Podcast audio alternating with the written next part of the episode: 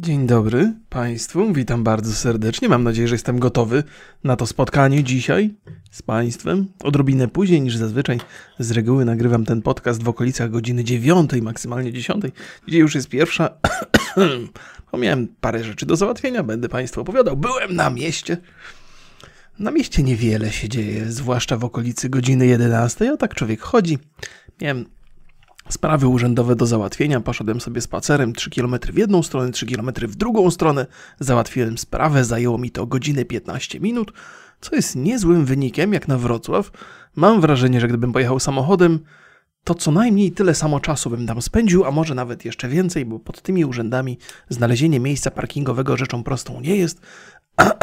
A po drodze jeszcze zrobiłem zakupy w małym osiedlowym sklepiku. Tam też samochodem nie mógłbym się zatrzymać, więc jakby sumując te wszystkie moje dzisiejsze przeżycia, mogę powiedzieć, że w promieniu 3 km we Wrocławiu łatwiej się poruszać na nogach niż na samochodzie.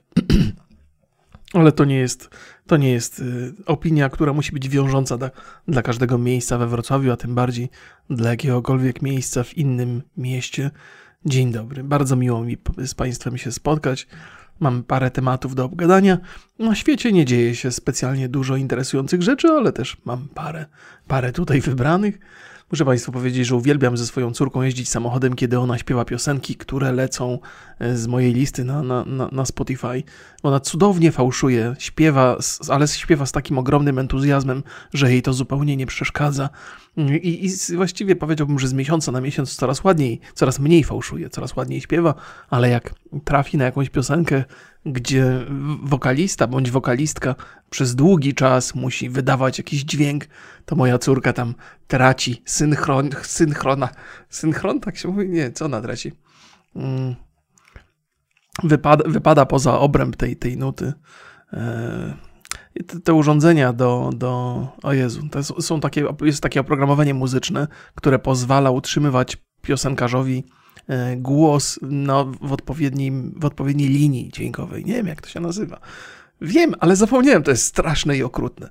Tak czy inaczej, e, tak czy inaczej, moja córka gdzieś tam wypada czasami w sposób drastyczny poza tę linię, natomiast e, entuzjazm, który, który okazuje podczas śpiewania, absolutnie to rekompensuje.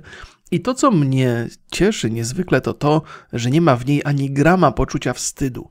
E, przynajmniej przy mnie, kiedy sobie śpiewa, oddaje się temu śpiewaniu z ogromną radością.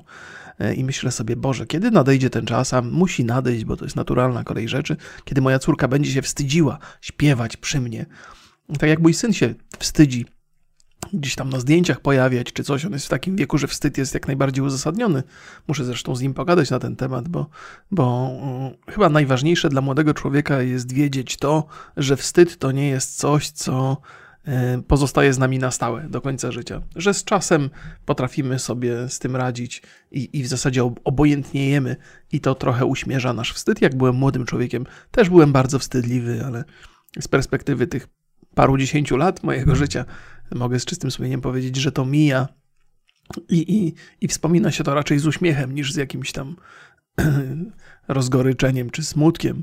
Tak czy inaczej, na razie mam ten radosny moment, kiedy moja córka jest w pełni swobodna, śpiewa na cały głos, nieważne czy piosenkę zna, czy nie zna, i to jest e, fajna rzecz. To jest taka ona jest chyba wa ważna, żeby ją dostrzegać gdzieś w życiu, bo odzwyczajamy się od tego, że ludzie są naprawdę sobą. Nie? Znaczy w sensie nie, że tam ktoś ma złe intencje, udaje kogoś, kim nie jest.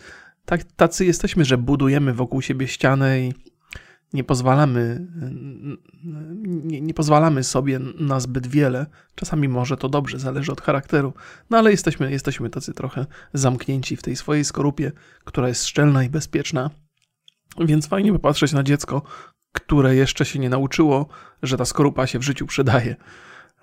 Prędzej czy później będzie się musiała przy, przy, przy, przydać. E, albo, ja wiem, fajnie by było żyć na świecie, gdzie nie potrzebna jest taka skorupa, no ale to, to jeszcze, jeszcze nie teraz, może kiedyś. E, nie ma w tym nic złego, nie? że się trochę zabezpieczamy przed oceną otoczenia. Proszę Państwa, pan Przemysław do mnie napisał, Pan Przemysław do mnie napisał, korygując mnie w sposób dotkliwy. Opowiadałem ostatnią historię e, o, o Marianku, który kopał pana i w tramwaju pani mama mu powiedziała, nie kop pana Marianku, bo się spocisz. Wszystko pomyliłem w tej historii. To jest kolejny dowód na to, że nie powinniście państwo mnie traktować super serio. Mam nadzieję, że nikt tego nie robi. E, więc pan Przemysław prostuje moją nieścisłość. Napisał, że nie był to serial 40-latek, tylko film fabularny King Size. Nie był to Marianek, tylko Gloria. Scena nie działa się w tramwaju, tylko na targu. Mama mówiła do córki: Glorio, nie kop pana, bo się spocisz. To jest, proszę państwa, 3 na 3.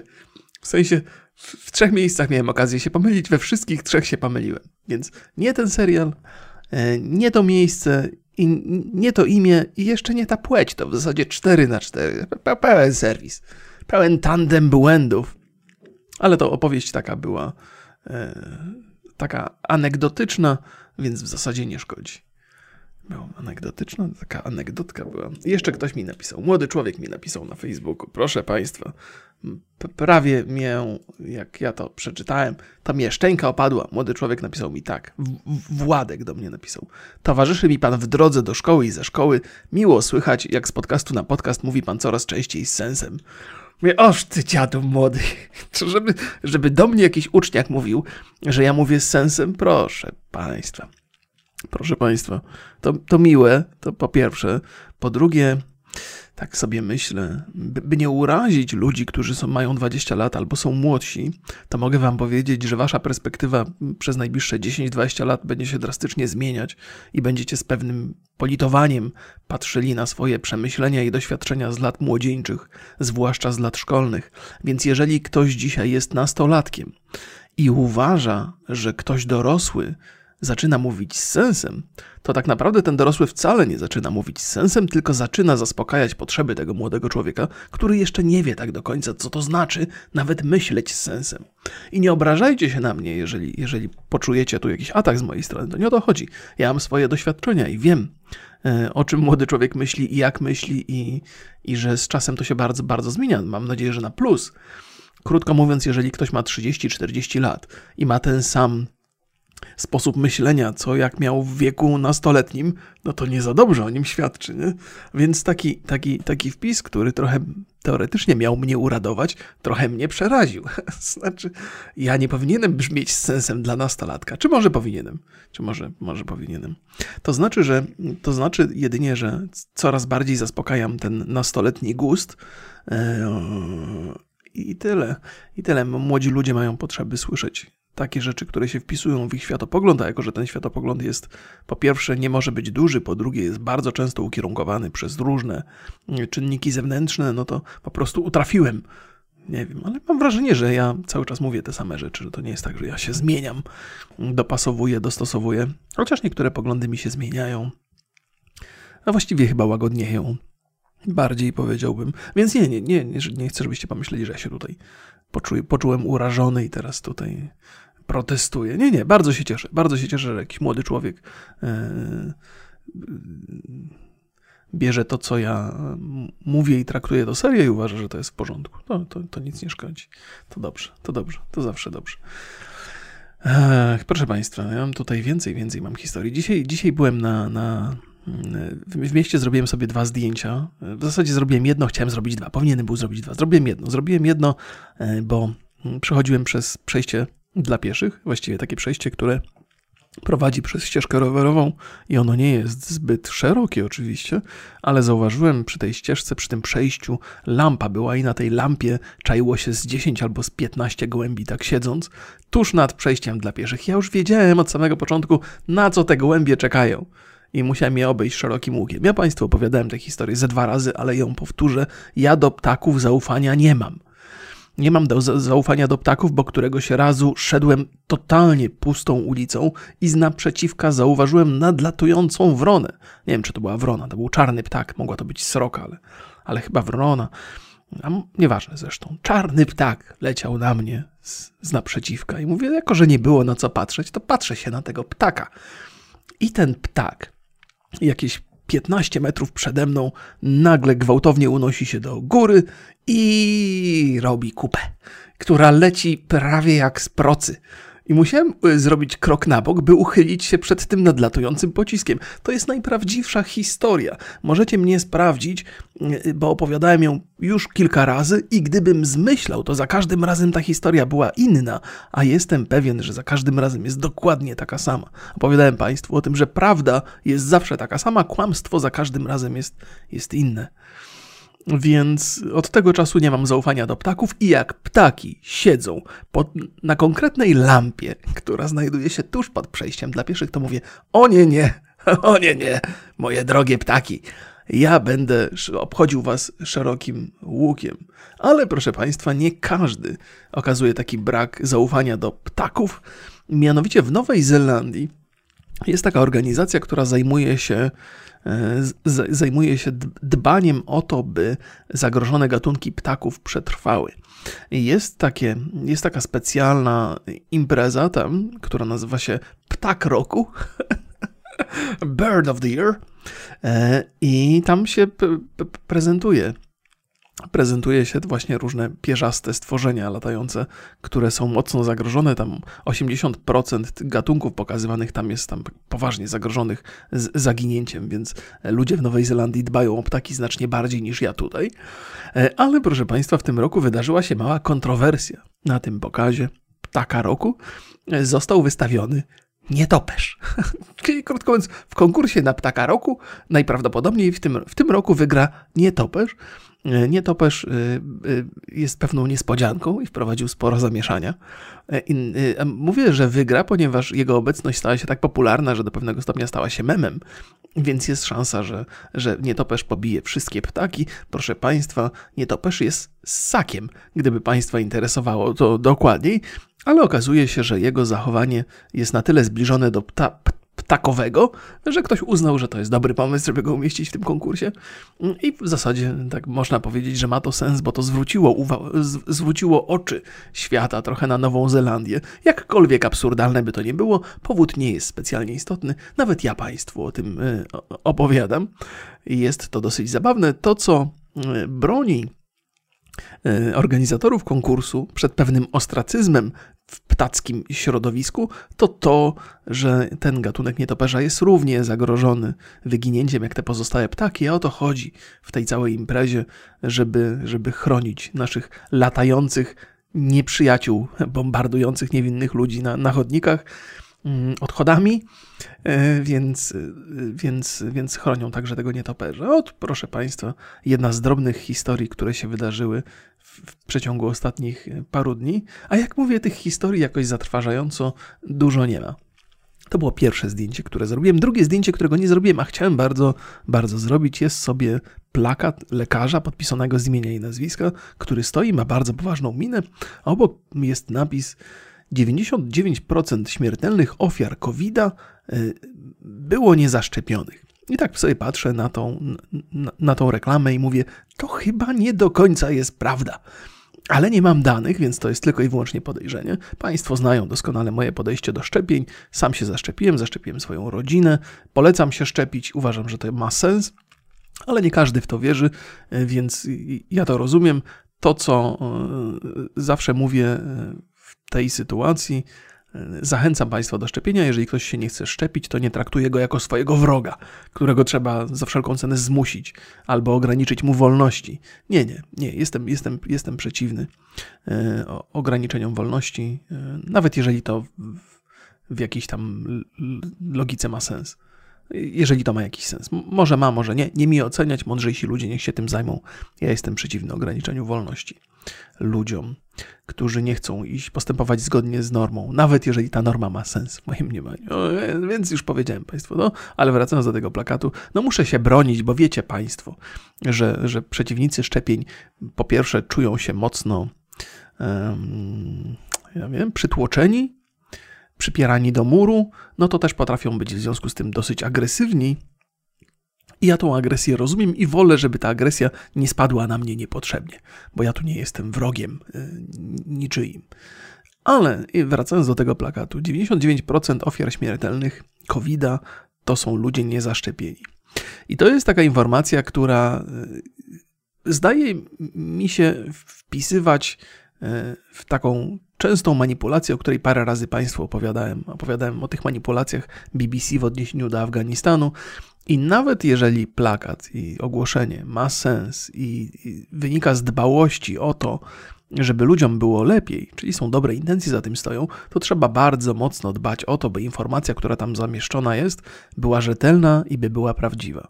Oczywiście nie mogę ze stuprocentową pewnością powiedzieć, że ta informacja jest nieprawdziwa, ale myślę, że jest to informacja, do której można się przyczepić. Należy pamiętać, że większość ofiar śmiertelnych covid to są osoby, które zmarły na, przy pierwszej, przy drugiej fali.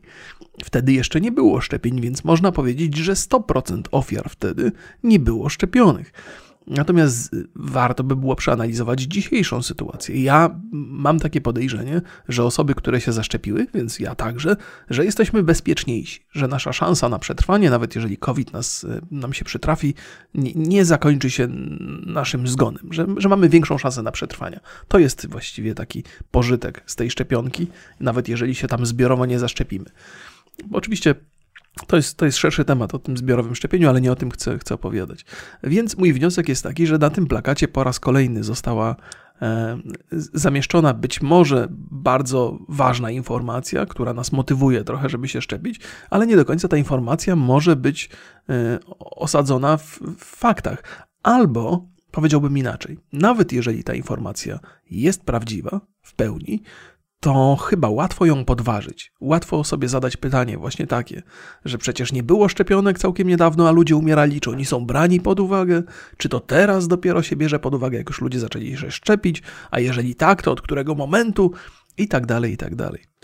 Więc jak po raz kolejny mówię, nawet jeżeli się zgadzam z przesłaniem, to nie podoba mi się, kiedy przesłanie jest słabe y, i łatwo je podważyć, bo wtedy skutek się osiąga odwrotny do zamierzonego. Nie? Jeżeli chcecie mm, dziecku wmówić na przykład, że jest święty Mikołaj, no to oczywiście tego się nie da zrobić y, w, sens, w, sposób logiczny, ale jak dziecko was złapie na tym, że, że kłamiecie, co pewnie się prędzej czy później wydarzy, no to nie będzie miało do was zaufania następnym razem w jakiejś innej kwestii. O, coś tam się dzieje, moja żona coś przesuwa.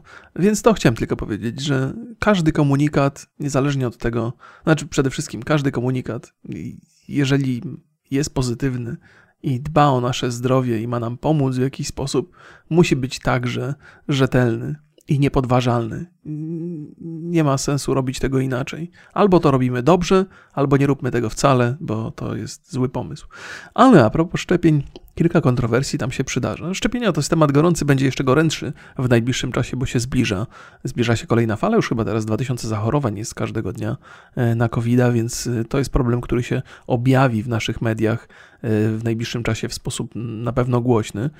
Mm, mam nadzieję, że nie będzie kolejnej kwarantanny, bo to jest taki rodzaj lekarstwa, który chyba jest gorszy od choroby, ale, ale trudno powiedzieć. Wydaje mi się, że gospodarka nie wytrzyma kolejnej kwarantanny i to jest główny powód, dla, której, dla którego tej kwarantanny nie będzie, ale ciekawy jestem, jak to się potoczy.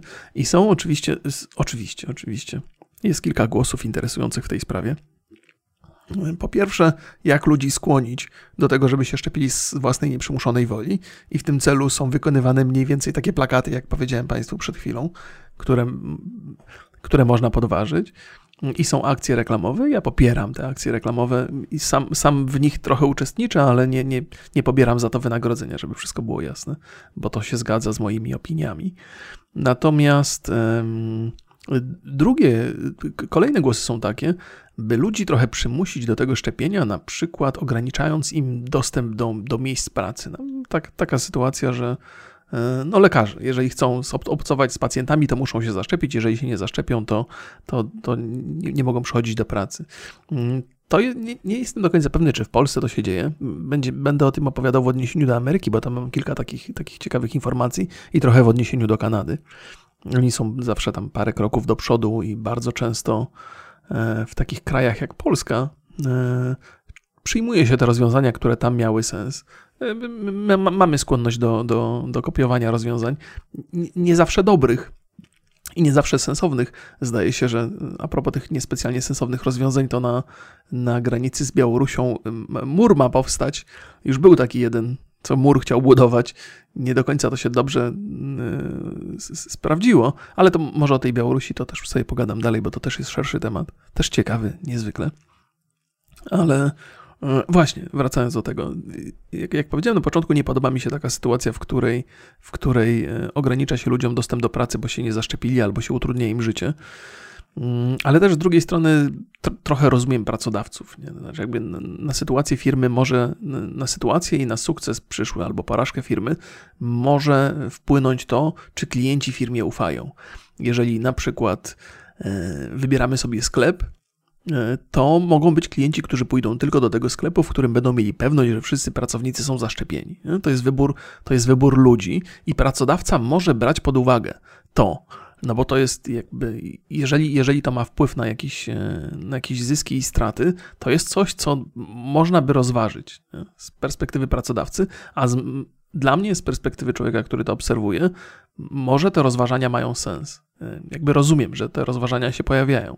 Nie podoba mi się nadal to, że ludzie są zmuszani do czegoś, na co nie mają ochoty, ale rozumiem, że biznes jest biznes i, i, no i czasami te prawa rynku są e, no takie brutalne, bardzo mocno.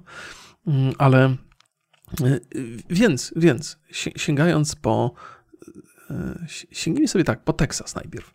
Y, gubernator Teksasu, Gre, Gre, Greg Abbott się nazywa, zabronił zmuszania ludzi do, do, do szczepień pod groźbą utraty pracy. Czyli w Teksasie to oczywiście wszystko można podważać, bo to są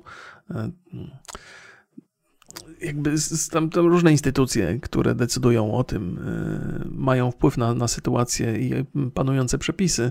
W Teksasie to dosyć ciekawe rzeczy się dzieją z aborcją, bo, bo, bo Teksańczycy, a właściwie ludzie rządzący w Teksasie chcą tej aborcji bardzo ostrej. Sąd Najwyższy nie chce, te przepisy są y, przyjmowane, potem cofane, potem znowu przyjmowane. Jest sporo dużego zamieszania. Opowiadam Państwu o tym, żebyście wiedzieli, że prawo, które tam jest ustalane, nie zawsze bywa trwałe. Jeżeli nie wszystkie instytucje które mają na to wpływ, się zgodzą, to tam się mogą nieźle przepychać. Tak czy inaczej, ten gubernator zarządził, że pracodawca nie ma prawa wymagać od pracownika, by ten się zaszczepił. Mm, Teksas ma dosyć liberalne podejście do, do, do szczepień, do maseczek, więc y, to jest chyba pierwszy stan, w którym, w którym tego typu nie wiem, pomysł zostaje wprowadzony, nie wiadomo czy on przetrwa i czy przeniesie się na, na, na, na dalsze stany, więc ludzie, którzy nie, nie chcą się szczepić, y, w, w, gubernatorze Teksasu znaleźli e, sojusznika. E, druga historia zupełnie, zupełnie przeciwną, przeciwne ma, e, ma, ma wydźwięk w, w Kanadzie. W Kanadzie, towarzyszy, w Kanadzie toczy się dużo dyskusji na temat tego, czy lekarz ma prawo odmówić pacjentowi leczenia, jeżeli ten pacjent e, się nie zaszczepił? E, leczenia związanego z COVID-em. I to, to, to są interesujące dyskusje, bo, bo tam też są takie głosy. Jeżeli mamy do wyboru pacjenta, który się zaszczepił i takiego, który się nie zaszczepił, to większe szanse na przeżycie ma wedle lekarzy ten, co się zaszczepił, więc on jest przyjmowany do leczenia, a ten, który się nie zaszczepił, musi albo czekać w kolejce, albo się nie dostanie. I to jest, to jest interesująca dyskusja, bo jakby w teorii zakładam, że pewnie nie wszyscy, ale lekarze w większości są raczej zaszczepieniami. Nie chcę tutaj, to nie jest badanie, które przeprowadziłem samodzielnie, więc tutaj nie, nie mogę być autorytetem w tej sprawie. Mam takie wrażenie, przynajmniej ci lekarze, z którymi ja się spotykałem, są wszyscy z zaszczepieniami, nie mają co do tego wątpliwości żadnych. Więc zakładam, że ta norma obowiązuje raczej w, w, w, e, na świecie także, ale nie mogę być pewny, więc poprowadzę tę rozmowę tak, jakby to faktycznie była norma i lekarze w większości są za tym szczepieniem, więc oni w jakiś sposób e, podejmują te decyzje. I to jest tak, że jeżeli mamy taką sytuację, że jest bardzo dużo rannych, to też lekarz decyduje o tym, kto zostanie przyjęty, a kto zostaje odrzucony, kto ma szansę przetrwać, kto nie ma szansy przetrwać. Tam ta logika, która za tym stoi, jest bardzo brutalna, ale to jest coś, z czym lekarz może mieć do czynienia w różnych sytuacjach, w jakichś większych katastrofach, w jakichś wypadkach, gdzie trzeba dzielić pacjentów na tych, którzy mają szansę przetrwać i tych, którzy nie mają szansy przetrwać.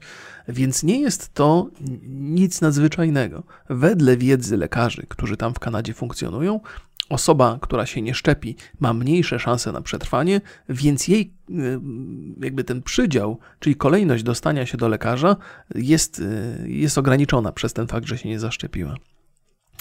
Y, I to jest coś, co potrafię zrozumieć. Uważam, że to jest bardzo, bardzo trudna pewnie gdzieś tam decyzja, no ale lekarze muszą tego typu decyzje podejmować. Ja się nie będę spierał. Ja nie mam wiedzy medycznej, nie mam wykształcenia i nie spędziłem iluś tam lat na studiach medycznych, żeby kwestionować decyzje lekarzy. Zacząłem się zastanawiać też, jakby wyglądała, bo oczywiście to jest taka opowieść, którą można, y, mo, można w niej wykonać ten tak zwany cherry picking. Nie?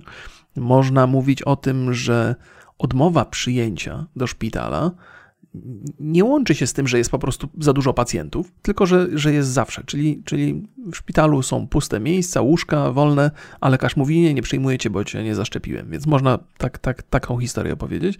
Tymczasem to wygląda trochę inaczej. Jakby tam jest, w, przynajmniej w moim mniemaniu, jasno wskazane, że jeżeli dojdzie do takiej sytuacji, że szpitale są przepełnione, no to pierwszeństwo mają osoby, które się zaszczepiły. To jest, to, to, to jest coś, co można, czym, czym można manipulować w tej, w tej całej informacji. I pewnie niektórzy manipulują, bo w takiej sytuacji, kiedy, kiedy miejsce jest, a lekarz odmawia przyjęcia pacjenta, mm, ponieważ w jego mniemaniu pacjent sobie sam zaszkodził, to uważam, że to już jest naruszenie y, wielu norm. Nie tylko przysięgi Hipokratesa, o której Państwu też opowiem za chwilę, bo ona jest ciekawa. Traktujemy ją jako coś e, normalnego, ale to jest, e, to jest bardziej złożone niż przypuszczałem. Ale idąc tą myślą, w takiej sytuacji wydaje mi się, że lekarz nie powinien absolutnie odmawiać prawa do, do leczenia pacjentowi. Przypominały mi się tak, próbowałem sobie przypomnieć takie mm, analogiczne e, sytuacje. Jeżeli lekarz, e, to jest też tak, że ktoś pod wpływem alkoholu jedzie samochodem, ma wypadek, zrobi sobie krzywdę, no to wiadomo, że on się przyczynił do tego, że sobie, że sobie zrobił krzywdę, on był przyczyną tego wypadku, więc y, tu lekarz nie może powiedzieć, on sam sobie zaszkodził, sam tak zdecydował, to ja go teraz nie leczę. Nie, no oczywiście, że przyjmuje go, leczy. Tak samo jest z, nark z, z, z narkomanami. Wiem, że w Stanach Zjednoczonych jest tak, że jak czekasz na przeszczep jakiegoś organu e, i przeszczep wynika z tego, że na przykład byłeś alkoholikiem, to Twoja kolejność e, do przeszczepu jest zależna od tego, czy jesteś w stanie udowodnić, że przez ileś tam czasu nie piłeś alkoholu w ogóle. Więc za każdym razem, jak jesteś, e, jak, jak jesteś badany, to, to ci sprawdzają, czy we krwi nie ma alkoholu i to, to ogranicza twój dostęp do kolejki. Ale generalnie nie ma takiej zasady, że jeżeli pacjent z perspektywy lekarza sam sobie zaszkodził, to teraz go nie przyjmujemy. Nie? To, to takiej opcji nie ma i w przypadku tego COVID-a raczej też takiej opcji nie będzie. E, wydaje mi się, że ta sytuacja jest e, tylko i wyłącznie wtedy, kiedy jest za dużo pacjentów i pierwszeństwo mają ci, którzy się zaszczepili. Więc tak to wygląda i podejrzewam, że tego typu rozwiązanie może być zaadoptowane także w innych krajach. Że jeżeli dojdzie do takiej sytuacji, a może dojść po raz kolejny, że szpitale będą przepełnione, to osoby, które się nie zaszczepiły, mogą mieć dużo większy problem, żeby się dostać do lekarza, niż takie, które się zaszczepiły. I trudno mi trochę neutralnie się do tego odnieść. Wydaje mi się, że to jest coś niedobrego, że to jest takie trochę dzielenie pacjentów, ale to jest coś, co zawsze się, zawsze się przydarzało. W, różnych sytuacjach, że lekarz często musi sobie odpowiedzieć na pytanie, kto ma większą szansę na przetrwanie i leczy tego, który ma większą szansę. Mm, I jakkolwiek brutalne by to nie było, taka jest rzeczywistość. Tu nie jest tak, to chyba nie jest taka sytuacja, że teraz nagle antyszczepionkowcy są potraktowani gorzej. Są traktowani tak, jak zawsze wszyscy pacjenci byli. Ci, którzy mają mm, mniejszą gwarancję na przetrwanie, są ustawiani trochę w, w dalszej części kolejki. Może, może, może jest tu wiele rzeczy, których nie rozumiem, których nie znam i historia nie jest dokładnie taka, jak ją opisuję, ale wydaje mi się, że tak jest, że tak jest, że, hmm, że parę razy czytałem takie historie, że przykład w przypadku e, jakiegoś wykolejenia pociągu, gdzie jest bardzo dużo ofiar i lekarzy nie ma na miejscu wystarczająco dużo, to się tworzy strefy odpowiednie dla pacjentów, dla tych, którzy mają większe szanse na przetrwanie e, i dla tych, którzy praktycznie nie mają szansy na przetrwanie, oznacza się specyficznymi kolorami i to, to jest coś, co, co, co się zdarza. E, Wikipedia przysięga Hipokra Kratesa. To jest coś ciekawego w tej przysiędze, na co, na co, na co zwróciłem uwagę. Czytałem sobie e, to jakiś czas temu I teraz yy, prześledzimy sobie parę wątków, bo to jest tak. Mm, by, by powiedzieć rzeczy naj, najbardziej oczywiste. Przysięga Hipokratesa to jest przysięga składana przez lekarzy w starożytności, zawierająca podstawy dzisiejszej etyki lekarskiej. Wbrew powszechnej opinii autorem nie był sam Hipokrates, lecz jego uczniowie należący do Pitagorejczyków.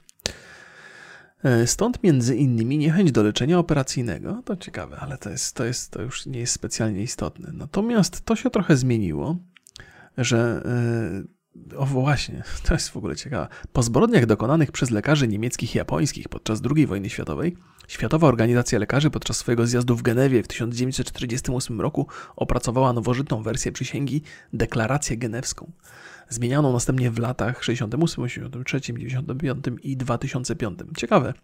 Czyli krótko mówiąc, wy wygląda mi na to, to musiałbym przestudiować bardzo dokładnie, ale moja teza wynikająca z niewiedzy jest taka, że z jakiegoś powodu niemieccy i japońscy lekarze, dokonując okrucieństw na jeńcach, nadal wpisywali się w przysięgę Hipokrateza. Hipokratesa. Dlatego trzeba było ją zmienić. Zmieniono ją na deklarację genewską. E, w Polsce nadal się mówi o, o przysiędze Hipokratesa, ale to nie jest to. To nie jest to, co lekarze, e, co lekarze składają. Mm, to jest jeszcze, by iść trochę w stronę Polski, bo to jest, to jest ta deklaracja genewska, o której Państwu przed chwilą powiedziałem. Natomiast w Polsce obowiązuje tekst przy, przyrzeczenia lekarskiego uchwalony przez Krajowy Zjazd Lekarzy. Nie wiem w którym roku, ale może nie jest to specjalnie istotne.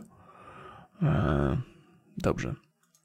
Przy, przyjrzyjmy się temu przyrzeczeniu, leka, przyrzeczeniu, przyrzeczeniu lekarskiemu, bo już dochodzimy do sedna tego, jak to w Polsce wygląda.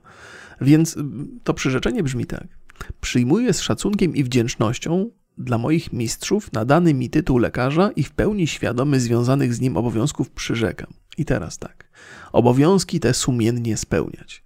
Służyć życiu i zdrowiu ludzkiemu. Według najlepszej mej wiedzy przeciwdziałać cierpieniu i zapobiegać chorobom, a chorym nieść pomoc bez żadnych różnic, takich jak rasa, religia, narodowość, poglądy polityczne, stan majątkowy i inne, mając na celu wyłącznie ich dobro i okazując im należny szacunek.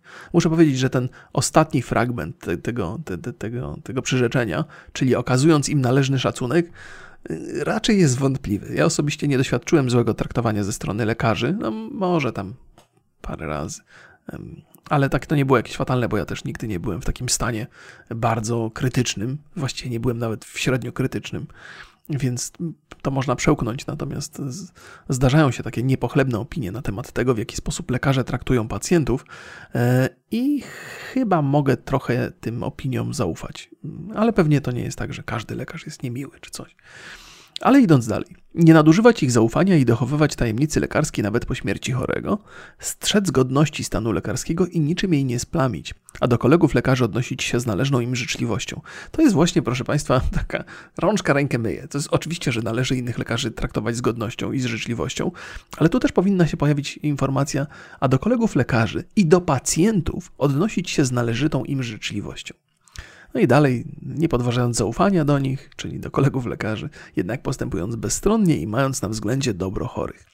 Stale poszerzać swoją wiedzę lekarską i podawać do wiadomości świata lekarskiego wszystko to, co uda mi się wynaleźć i udoskonalić. Przyrzekam to uroczyście. Bardzo ładne, bardzo ładne jest to przyrzeczenie i ono w, w niczym nie, nie, nie sugeruje, że lekarz ma obowiązek. Właściwie to jest tak, że to jest przyrzeczenie, które nie jest, jakby ono, ono nie ma mocy prawnej. Znaczy, z, myślę, hmm, myślę, że lekarz właśnie może spokojnie się wybronić w takiej sytuacji, kiedy ma przepełniony szpital i, i mówi, no tego pacjenta nie przyjmę, nie? a tego być może gdzieś tam zmieszczę.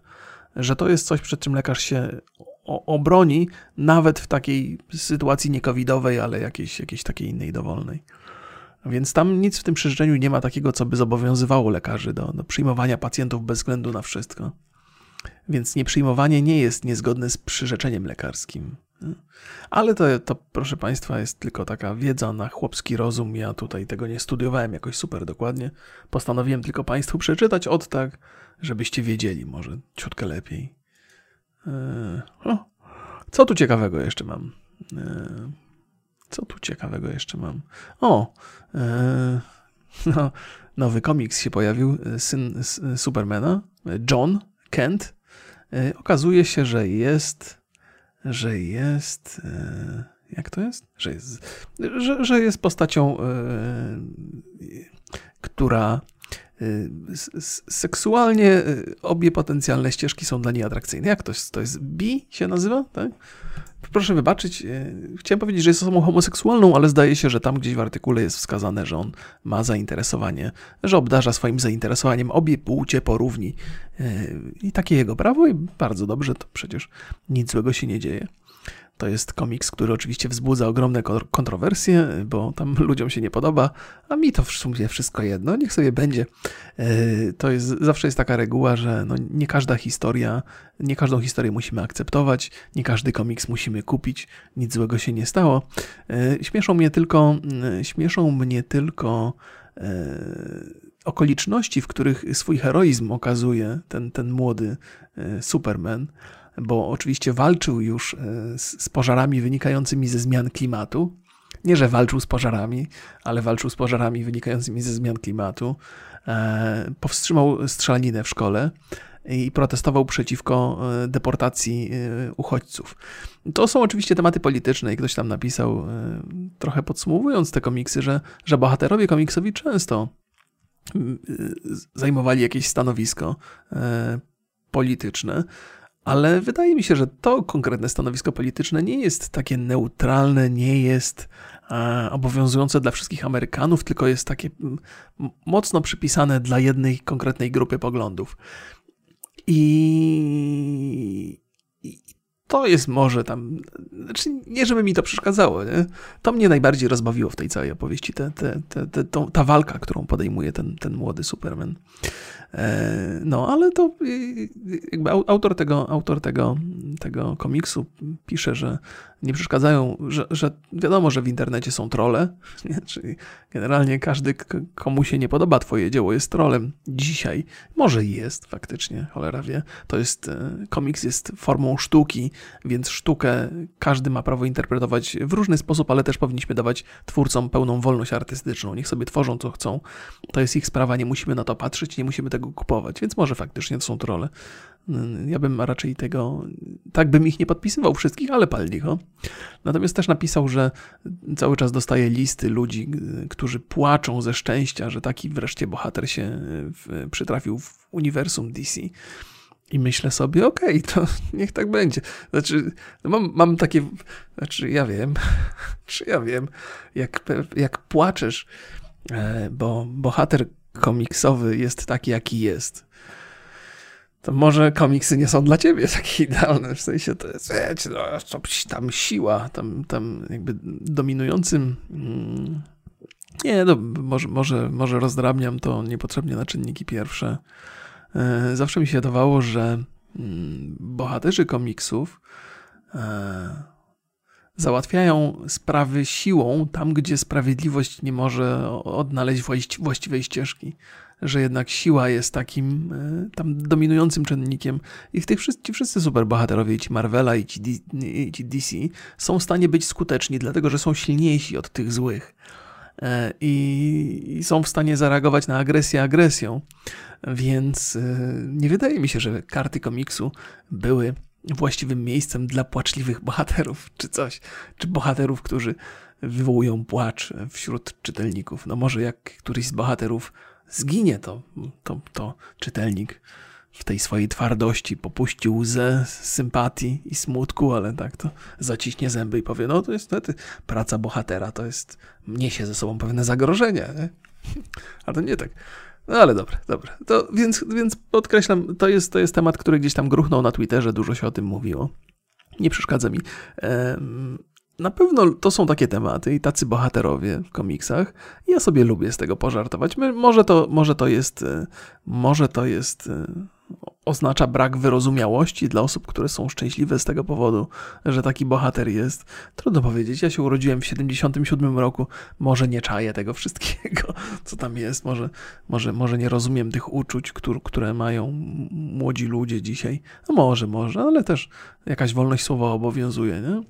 Więc mogę sobie pożartować, ale no, nigdy bym nie protestował przeciwko powstawaniu tego komiksu. To jest wolność artystyczna. Niech każdy sobie tworzy jak chce. Niech to znajduje swoich e, fanów i niech się ludzie tym dobrze bawią i są szczęśliwi. Proszę Państwa, to co Państwu przedstawiłem do tej pory, to było takie gadulstwo na luźno. Zobaczmy, proszę Państwa, co się dzieje na świecie. Ciekawego. Somalia i Kenia mają, proszę Państwa, konflikt terytorialny, który dotyczy y, podziału morza. Też morze też jest rzeczą, która, o którą warto się terytorialnie spierać.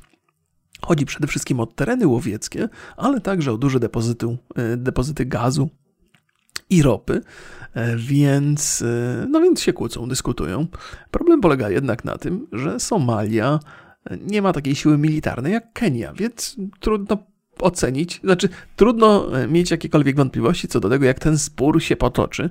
Niewątpliwie na korzyść Kenii, ale też w związku z tym e, sąd międzynarodowy e, tu został poproszony przez Somalię o ocenę tej całej sytuacji i sąd międzynarodowy uznał, że to ten fragment morza, o który spór następuje, należy się Somalii. I jest to, to jest orzeczenie, które zapadło i którego nie można podważyć. Zatem wszelkie kenijskie wyprawy na ten, na ten fragment świata morski y, odbywają się niezgodnie, nie, niezgodnie z prawem.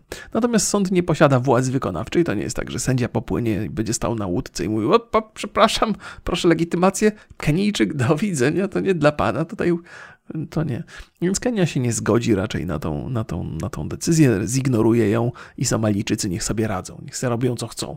Co mi zrobisz? No, ja mam, przypłynę statkiem, co mam na nim lufę y, i spróbuj tu pływać i, i, i łowić ryby. Nie sądzę, żeby, żeby jakieś siły międzynarodowe zaangażowały się w ten spór w, jakikolwiek, w jakimkolwiek stopniu. No ale to przynajmniej Somalijczycy mają to, to właściwie rząd w Somalii ma to hmm, tą pewność, że postępują zgodnie z prawem międzynarodowym, co pewnie niczego nie zmieni, ale tak. E, w Afganistanie rzeczy się dzieją, od czasu do czasu o tym, o tym opowiadam. E, tam dochodzi oczywiście do dramatycznych sytuacji związanych z tym, że, że talibowie rządzą i to nie, jest, to, jest, to nie jest przyjemna władza. W jakiejkolwiek byście władzy nie żyli, to talibów nikomu nie życzę. Mm, bieda tam straszna, gigantyczna, jakaś tytaniczna inflacja ceny. Gdzieś jakiś taki był e, przykład ceny jakiegoś jedzenia. E, co to było? Czy to było jakieś pieczywo, czy coś? To, to wzrosło chyba tam 200%? 2000%. E, więc kogoś, kto, kogo normalnie było stać na jedzenie, teraz tego jedzenia nie może kupić, bo ceny są kolosalne. To jest pewne następstwo tych rzeczy, które się tam dzieją, to nikogo nie powinno zaskoczyć. Mm. No i ludzie tam pytają, no co oni mają teraz zrobić? No, co mają zrobić? No, teraz to już nic, nie? No trzeba było tych talibów powstrzymać. Ja, ja wiem, że tam każdy jest cywilem i chce być bezpieczny i... i... No ale no, no, co zrobisz? No ktoś, ktoś no co można teraz? No, no, no, talibowie tam rządzą i koniec. Co, znowu wojska mają z, nie wiem, z Niemiec, z Wielkiej Brytanii, z Ameryki wrócić i przegonić tych talibów. To jest tak, jak, jak, jak e, w społeczeństwie nie ma zainteresowania, by tych talibów e, wykluczyć, jeżeli są chętni, by do talibów dołączać, no to, to nikt tego nie, nie, nie, nie, nie uratuje. Nikt tego. Świat się nie. Znaczy, to, to jest tak, że jakkolwiek świat. Przyjmijmy przez chwilę, że świat ma dobre intencje i chce, żeby Afgańczykom się dobrze żyło. I zapomnijmy o ropie, o jakichś gazach, o, o różnych dobrach naturalnych. E, to nawet gdyby świat chciał robić dobre rzeczy, to tak długo jak Afgańczycy nie będą sami działać w celu wykluczenia talibów, no to tam się nic nie zmieni. No, tam cały czas są młodzi ludzie, którzy chcą dołączać do talibów, bo im się podoba ta filozofia i ten punkt patrzenia na rzeczywistość, znaczy ten sposób patrzenia na rzeczywistość. Ja pewnie, że upraszczam, nie? E, I to, jeżeli zmiany mają zajść w takim kraju, to to jest, to jest pewnie na wiele pokoleń. Trzeba by to było rozłożyć, ale, ale no nikt tam tego świata nie zmieni, no. To, to, a zwłaszcza na siłę.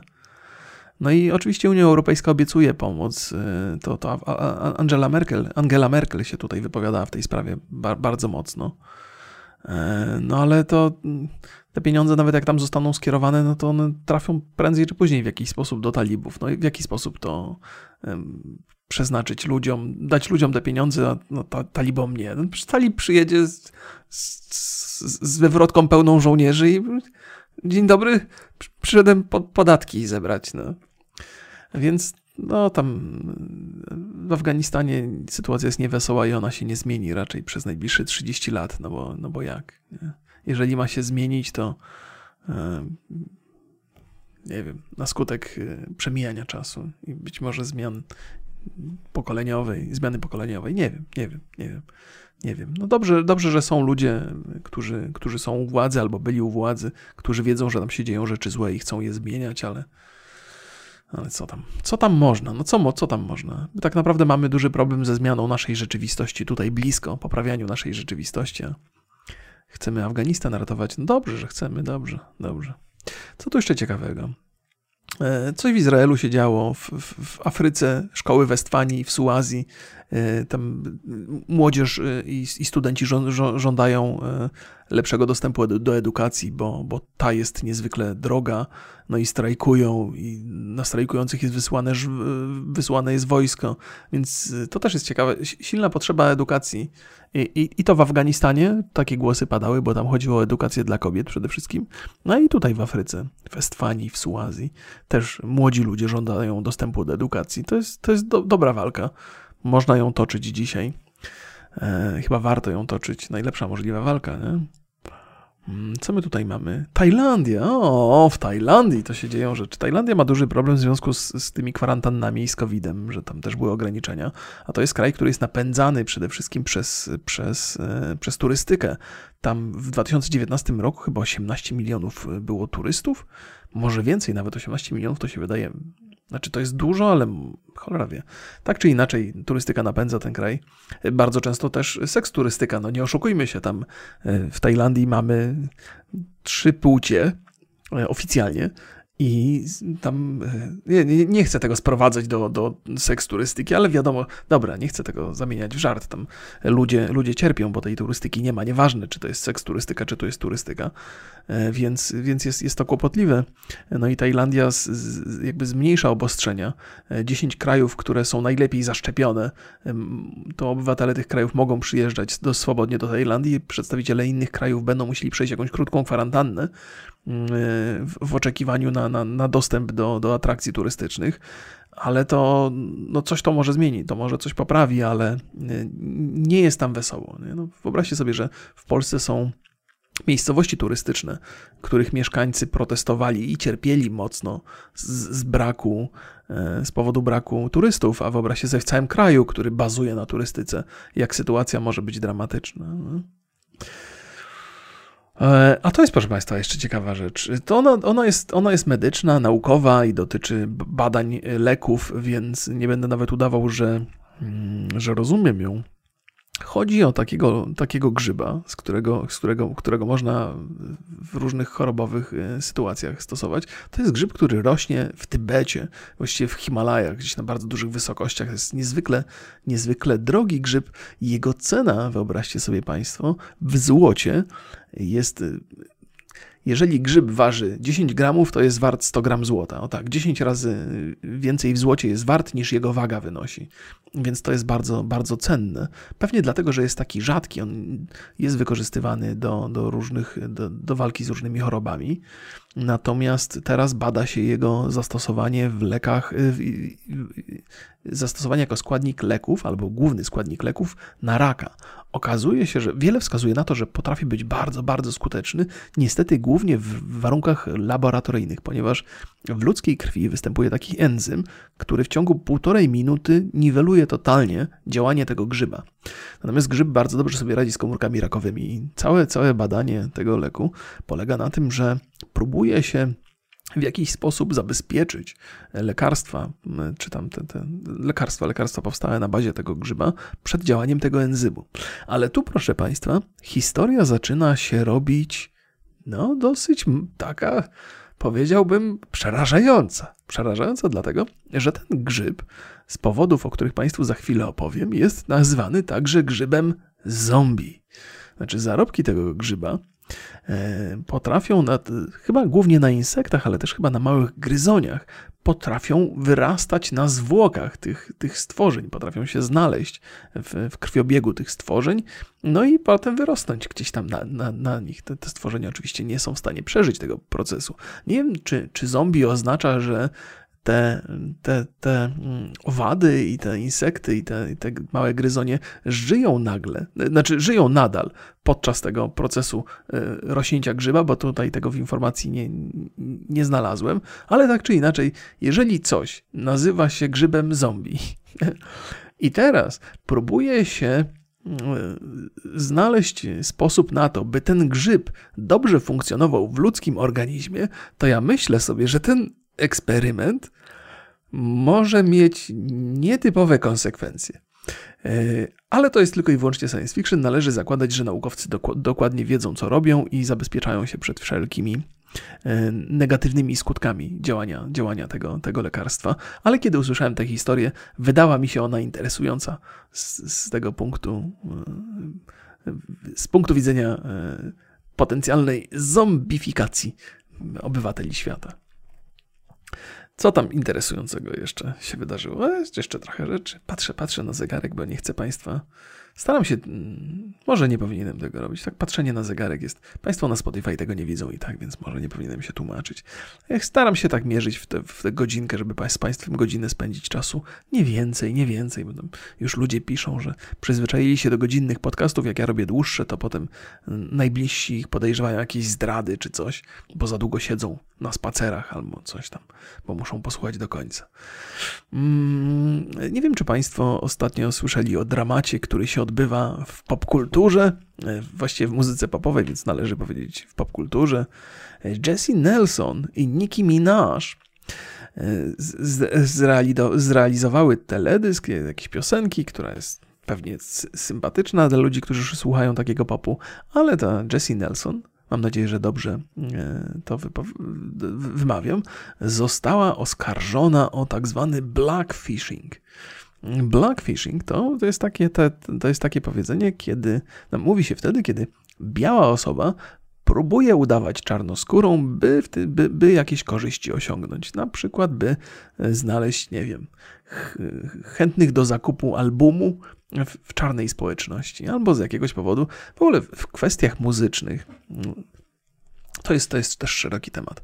E, są takie. Mm, są takie poglądy i opinie, z którymi chyba mogę się zgodzić, ale tylko i wyłącznie dlatego, że zasłyszałem je od zaufanych osób, a nie dlatego, że miałem okazję to zrozumieć na własną rękę. Otóż y, opinie są takie, że y, muzyka czarnoskórych mieszkańców y, Stanów Zjednoczonych jest tak dobra i, i, tak się rozwinęła pod wpływem tego całego cierpienia, którym Afroamerykanie byli poddawani przez wiele, wiele lat. Już nie mówię tylko o niewolnictwie, ale potem o, o tym procesie y, odzyskiwania praw y, obywatelskich, co, co trochę trwało i jest mocno zaznaczone też w popkulturze. Krótko mówiąc, że, że ta muzyka jest przepełniona tym cierpieniem mm, i w związku z tym jest też lepsza przez to. I, i być może jest w tym trochę, jest w tym trochę racji.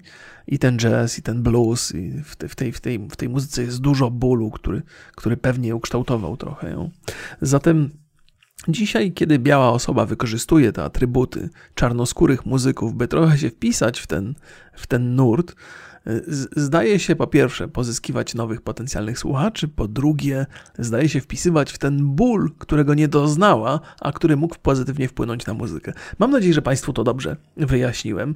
Oczywiście cała, cała historia, to chyba trzeba być Amerykanem i żyć w Ameryce, by to do końca rozumieć i móc to jakoś przetrawić w sposób emocjonalny. Ja patrzę na to dosyć zimno i surowo z zewnątrz i wydaje mi się absurdalne to cały czas. To, jak ktoś się ubiera, ta akurat dziewczyna miała, jest bardzo opalona, tłumaczy się tym, że była na wakacjach i dlatego się opaliła, plus nosi takie ciuchy jak czarnoskórzy, pio, czarnoskórzy piosen, piosenkarze, fryzury, jakieś takie peruki takie, które, więc, e, więc to podobieństwo jest niezaprzeczalne, ale mm, tam zdaje się być dosyć nie, niewinne, tym bardziej, że występuje w duecie z Nicki Minaj. Nicki Minaj, o ile się orientuje, jest czarnoskórą osobą.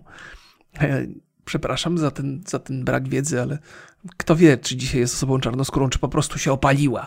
Musiałbym to zweryfikować, nie?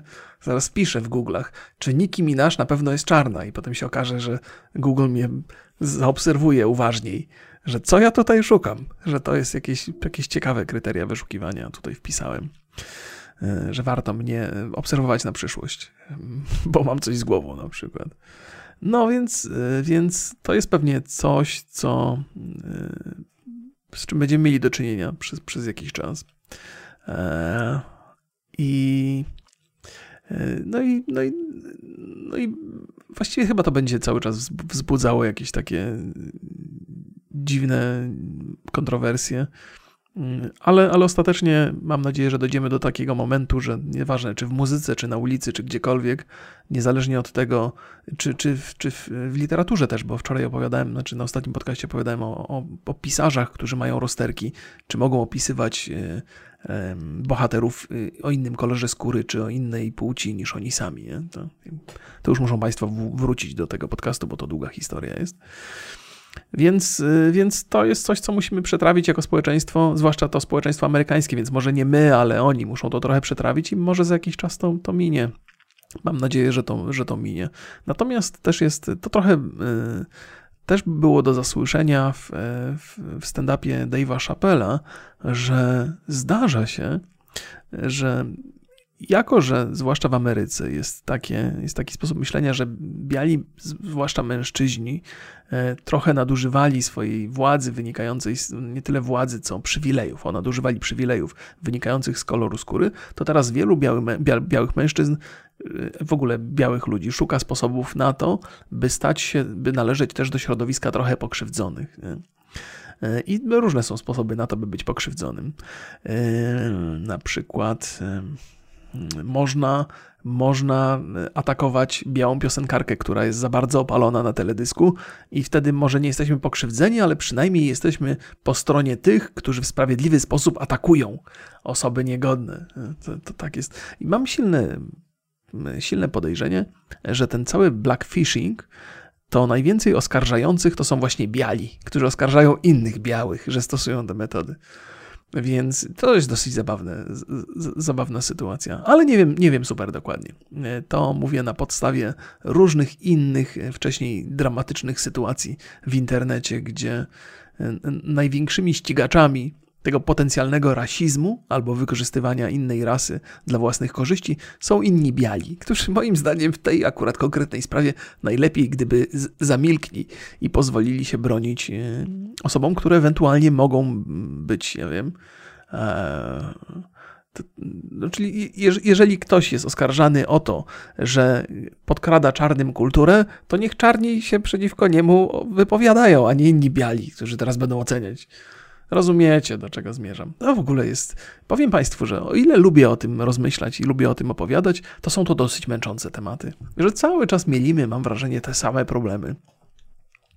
E, I, i nie, nie sposób się do nich w jakiś sensowniejszy sposób odnieść powiem Państwu jeszcze, zamykając, zamykając po raz kolejny te, te podcasty, jedna z, z zabawniejszych historii, która się przydarzyła, to reportaż o farmerze kakaowca i tego, w jaki sposób e, sobie radzi z kakaowcami. To jest człowiek, który gdzieś tam e, ma, ogromny sukces, ma wielkie. Mm, jak to się nazywa? To, to się nie nazywa farma, czy to jest, to jest właściwie trochę sad jakby? No to, to sad, chociaż sad bardziej pasuje do jabłek i do gruszek. Nie? Plantacja, plantacja kakaowca. Fantastycznie. I on opowiada o tym, że w ogóle 40% światowego marketu pochodzi z, z, z rejonu, w którym ten, ten, ten, ten ekspert od kakaowców działa. Nie napiszę Państwu, nie powiem Państwu, jaki to jest rejon, bo nie mam tutaj zapisane, ale to to nie jest do końca istotne, tak czy inaczej. Ta jedna konkretna plantacja bardzo wielki sukces odniosła i facet opowiada o tym, jak to robi. E, on, on mówi po francusku z takim, z takim akcentem e, afrykańskim, więc, więc jeżeli, ktoś, jeżeli Państwo kojarzą ten akcent, to będą wiedzieli mniej więcej, jaki rejon świata chodzi. Że on ma tak, że przytula drzewa, jak, jak nie dają owoców e, w odpowiedniej ilości, nie dają tego nie wiem jak się nazywają te owoce kakaowca, zaraz wpiszę. Że, czyli tam jest trochę takiej spirytualistycznego podejścia do owoce kakaowca, mogę to napisać? Ziarna, to ziarna są, czemu ja owoce? E, tylko te ziarna pozyskuje się chyba z jakiegoś owoca, prawda? To jest taki owoc, w którym jest, e, w którym jest szereg, e, szereg ziaren, o tak.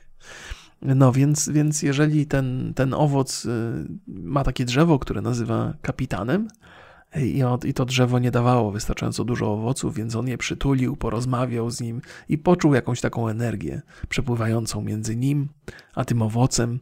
I od tego, od tego czasu ten kakaowiec rodzi najwięcej, najwięcej owoców na całej plantacji. Kiedy normalny kakaowiec daje ze 150 owoców na sezon, ten daje 300. 300. I to jest. E, to jest fajna historia, bardzo sympatyczna.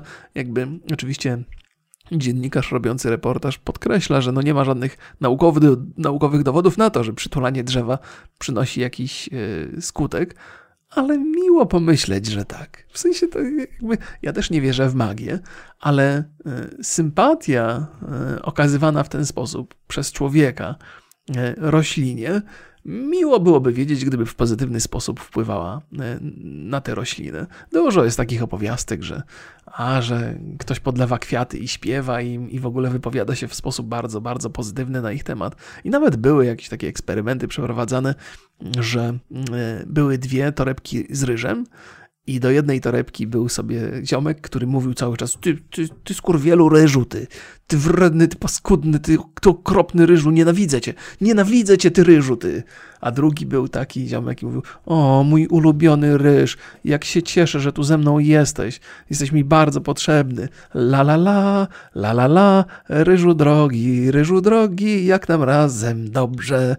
No i e, skutek tego eksperymentu, nie wiem czy prawdziwy, czy można temu zaufać, był taki, że ten ryż, który się spotykał tylko ze złym traktowaniem, ze złorzeczeniami ze strony swojego właściciela, poczerniał bardzo szybko, a ten ryż, który był traktowany z sympatią, zachował swoją świeżość dłużej niż to normalnie miało miejsce. No i proszę Państwa, taka historia. Słyszeliście już ją kiedyś? Kiedyś? Być może tak, być może nie. Tak czy inaczej, y, z tym Państwa pozostawiam. Dzisiaj mam nadzieję, że bawiliście się dobrze na tym podcaście. E, ostatnio staram się, żeby te podcasty były trochę konkretniejsze niż tylko moje swobodne opowieści i historie i mam nadzieję, że mój niedobór wiedzy i może trochę nierzetelność nie sprawia państwa, Państwu przy, przykrości. A tak możecie się w luźny sposób dowiedzieć o tym, co się dzieje na świecie. Nie zawsze to ma sens, co Państwu mówię, ale zawsze jest zgodne z prawdą i staram się nie interpretować, więc, więc myślę, że może być ok. A może czasami interpretuję, no ale to też. Wiele razy Państwu mówiłem, proszę mieć dystans, dystans do moich idiotyzmów. Pozdrawiam serdecznie, całuski i do zobaczenia.